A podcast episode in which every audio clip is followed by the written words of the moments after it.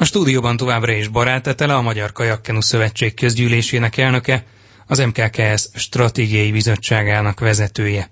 Műsorunk első felében volt már szó a teljesítmény diagnosztikai központról, arról, hogy ez egy több évvel ezelőtt megálmodott, és az elmúlt nagyjából egy évben már a gyakorlatban csúcsszinten működő létesítmény.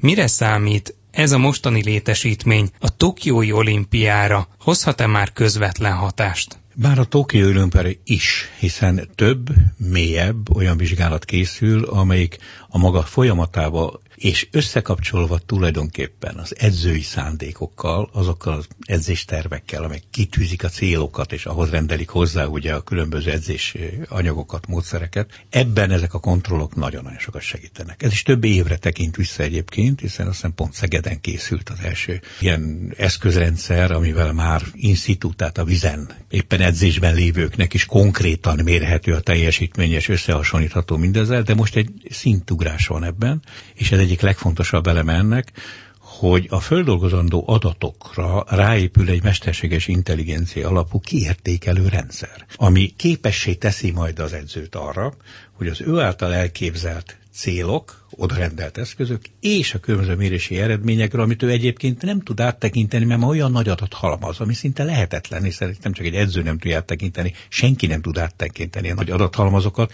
Ezt képes ez a elemző rendszer tulajdonképpen számára, mint egy szakértői rendszer kezébe adni. Most ez persze a jövő témája, ez egy három-öt éves program, ez inkább Párizsra fog igazán már hatni, és talán még nem is ez a lényeg, hogy hasson konkrétan a élversenyzők számára, hanem a kisgyerektől kezdve elvégzett folyamatos és rende, rendszerezett egészségügyi mérések és az arra ráépített kiértékelések tényleg arra alkalmasak, hogy valakinek megmondják, hogy te erre így, ilyen módon vagy alkalmas.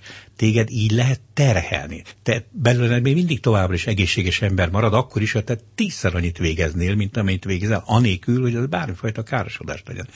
És talán itt szabad egy ilyen nagyon finom megjegyzést tenni, hogy a világon minden sportág, mi sportágunk is fertőzött bizonyos rossz szándékoktól és ezzel viszont el lehet kerülni, mert az a bizonyos többlet, ami kell egy versenyzőnek, hogy akkor ott így és úgy toppon legyen pontosan, ami elegendő egy másfél százaléknyi, két százaléknyi teljesítmény többlet. Ezt képes lesz biztosítani. Tehát én azt gondolom, hogy mind politikai, szakmapolitikai, mind erkölcsi, egészségügyi, mindenfajta szempontból egy nagyon fontos fejlesztési kérdés. Összefoglalólag nem csak az élsportról van szó, tehát nem csak a válogatott keretekről van szó, hanem egy nagyon széles merítésről, és a most belépő gyerekekről is szó van.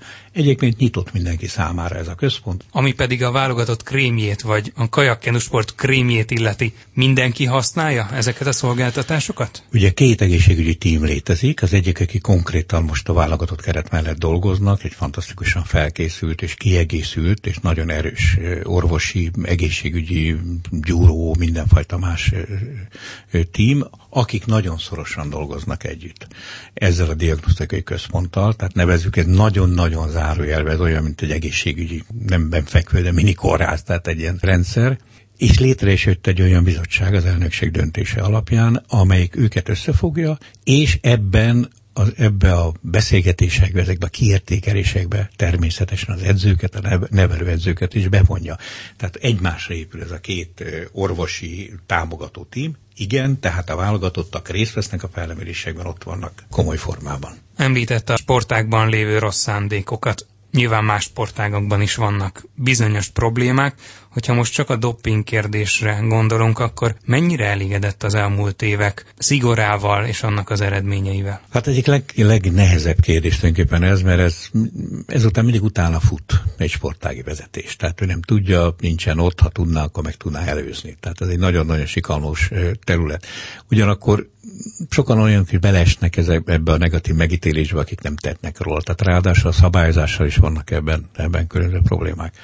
Természetesen nem lehet ezt a dolgot elfogadni, és a jövőre nézve is még nagyobb szigorral kell tudni fellépni, ezért a kajakkelő sport iszonyatos sok pénz 20 milliók fölött, csak saját maga pluszba az állam is minden már pénzek fölött befizet, speciális olyan méréseket is elrendel, ami egyébként szinte nem is volna kötelező, és ezt mindenki tudja, tehát ez most már egy nagyon komoly rendszer, és én azt gondolom, hogy nagyon szépen kitisztítható ez a folyamat, Egyébként esetszám tekintetében, tehát ahány versenyzőnk van, ez nem egy, nem egy jelentős szám. Elég ismerem azt, hogy a világban hogy van kevesen beszélnek erről.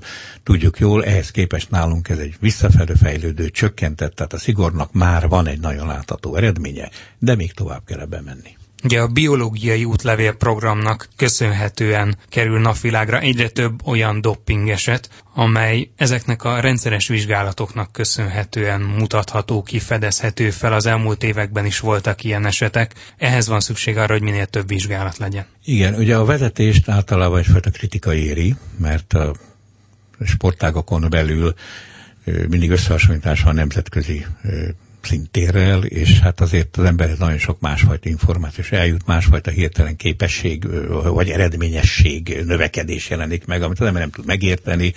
Tehát ez egy és nagyon... mivel ez egy versenyző közeg, nem is nézik jó szemmel. Nem, ez egy borzasztó bizonytalan dolog, mert meg is kérdezik, hogy ő teheti, nem tehetem, hogy hogy is van ez. De egyes számú dolog az egészség. Tehát azt tudni kell, hogy minden ilyen szer a versenyző egészséget közép-hosszú távon kőkeményen rombolja. Kettes Még ha nem is mindenkét ugyanakkor a mértékben, vagy Természetesen ugyanúgy. ez egy különböző adottság. A másik az erkölcsi alapkérdés ebben, hogy az ember tisztán vagy nem tisztán dolgozik.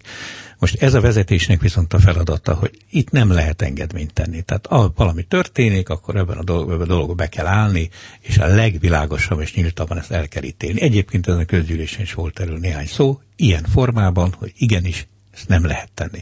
Képzeljük azokat a nevelőedzőket, akiknek fiatal, tehetséges gyerekeik vannak, és egy kicsit tovább menjenek ebben, tovább lépjenek ezt, ezt nem, egyszerűen nem lehet hagyni. Hát ő azért felelős, hogy ebből a gyerekből nem biztos, hogy olimpiai bajnok legyen, de hogy egy tisztességes, ilyen élő, normális emberré váljon ebben. Ez egy nagyon komoly mentális nevelési kérdés is. Egyébként erre vonatkozóan is van egy szerintem egy nagyon, nagyon érdekes javaslata olimpiai bajnok Vaskuti kollégánknak, ugye, aki arról beszél, hogy nagyon különleges képzést kell adni az edzőknek, és azért, hogy azt a felelősséget, amit a gyerekek jövőjére ők, ők fölvállalnak azáltal, hogy őket megtanítják evezni, sportolni, a természet szeretetére, a család és a mindenfajta viszonyra, ezt ők még hogy mondjam, tudományosabban felkészültebben, okosabban tudják fölvállalni.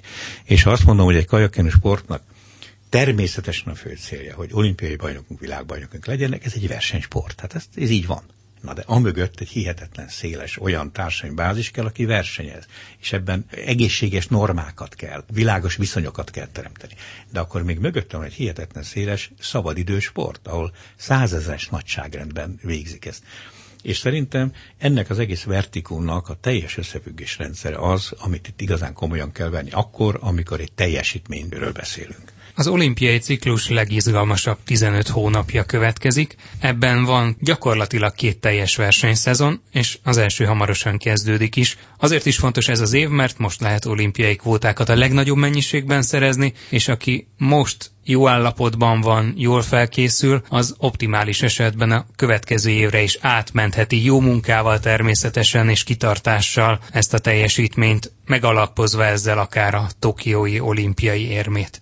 Mindig vannak ilyenkor feszültségek, pláne egy ennyire sikerorientált sportákban. Hogyan lehet adott esetben a konfliktusokat megelőzni vagy tompítani az elmúlt évtizedek tapasztalatai alapján? Talán egyik legfontosabb az, hogy egyre precízebbek, egyre pontosabbak a kiválasztás feltételei.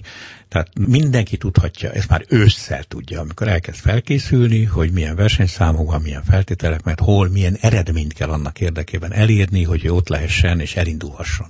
Itt annyi kis zűrzavar van ebben, hogy nekünk a kóta nagyon fontos. Tehát például a kokáért, hogy a párosok, meg a négyeseknek nem szabad egy versenynek duplázni benne, mert akkor esetleg elvesztünk egy kvótát. Tehát ez egy, egy kicsit bonyolultabb annál, tehát most ennek a pontosan a Szegeden megrendezendő augusztusi nagy kvalifikációs világbajnokság fő kérdése az, hogy akkor is, amikor nem biztos, hogy azt a négyest rakja össze a kapitány, vagy azt a páros rakja össze, de annak el kell érni, hogy a kvótája meglegyen, de lehet, hogy éppen nem fog nyerni, bár én nagyon bízom benne természetesen, hogy mindig nyerni fognak, mert nagyon erős a magyar kajakenősport, na de mégiscsak ezek nehéz eh, kérdések. De válaszolva egyenesen, igen, világos, követhető, egyértelmű feltételrendszer kell, amire egy versenyző az edzőjével föl tud készülni. Mi a teendője egy vezetésnek egy konfliktus esetén? A szakmai vezetésnek kell hagyni, vagy pedig a szövetség vezetése? Messze a szakmai vezetése van. Most ez is az évek folyamán nagyon kitisztult. Tehát volt, hogy elnökség döntött összeállítási kérdésekben 15 évvel ezelőtt, vagy 18 évvel ezelőtt. Ez folyamatosan tisztult, és nagyon komoly egyszemélyes felelőssége is van a szövetség kapitánynak ezekben a kérdésekben. Neki ezt bizony föl kell tudni vállalni. Az természetes, hogy ő egy szakmai bizottsággal ezt konzultálja, szakmai bizottság támogatását meg kell nyerni. És csak akkor lép egy elnökség, tehát kvázi az adminisztráció be, hogyha konfliktus van közöttük, és nincs semmifajta megállapodás. De ez egy nagyon szépen szabályozott kérdés, de a lényeg, hogy a szakma kezében van a döntés. Az önvéleménye szerint mikor jöhet el annak az ideje, hogy Magyarországon mondjuk egy olimpiai 5.-6. helyet, vagy akár egy bronzérmet jobban megbecsülnek, akkor, amikor azért látjuk, hogy tényleg az olimpiai bajnokok félistenek. Hát az egész világon azért ez úgy van, hogy egy olimpiai bajnok, ahol más sportágban világbajnok, az egy félis. Tehát itt nem lehet tenni. Hát ez, ez, ez teljesen természetes. Az egy más kérdés, hogy mi, ezt is azt kell mondanom, hogy elég régóta, és most a mai vezetés, mint Gábor elnök úrral együtt nagyon sokat tesz annak érdekében, hogy mind a, ha edzőről beszélnek, akkor a fiatal, a középkorú, a kezdő, az idősebb is megbecsülést nyerjen, mindenfajta program, és ugyanezen a versenyzőknél is. Hogy igenis nem csak aki nyer, hanem a másik, a harmadik, negyedik is meg kapja azt a megbecsülést. Itt nem csak azért, mert lehet, hogy jövőre már ő lesz a másik, harmadik, és ne csak azért, hogy ne hagyja abba, hanem azért, mert igen, az a teljesítmény hihetetlenül fontos. Nélküle nincs. Ugye a birkózásra szokták, régen mondták mindig, hogy edzőpartner nélkül nem tud valaki versenyezni, mert nem lehet csak állandóan egy gyúrni. A kajakken pontosan ugyanilyen. Minél erősebb egy hazai mezőny, annál erőteljesebben emelkedik ki valaki, és éri el a világ szintű eredményt. Tehát mindenkit ebben meg kell becsülni, aki ott van, elvégzi ezt az iszonyatos munkát, amit a sportolók elvégeznek. Mennyire tudja a magyar kajakkenu sport megtartani a fölényét a többi országgal szemben? Nyilván Németországot vegyük ki, mert a magyar és a német kajakkenu évtizedes viszonylatban is hasonló szinten van. Hát igen, most azért szakáganként nagyon-nagyon különböző erők jelentek meg a, a világ szintéren. Egyrészt még mindig gyarapszik a nemzetközi súly, tehát egyre több és egyre több ország képes kiváló versenyzőt kinevelni, de ők azért egy-egy szakágra, egy-egy versenyző vagy egy párosra koncentrálnak. Minden erő erre koncentrál. Ilyen például az új-zélandiak a nőknél. Tehát elképesztő, hogy milyen erőt nyomnak abba, hogy ők topra jussanak. De a kenutól kezdve a női kenun keresztül mindegyiknek megvan ez. A németek, a magyarok azok csak, akik minden szakákban mindig ott kell, hogy legyenek és jelen vannak. Hogy ez meddig tartható, ez egy nagyon nagy kérdés.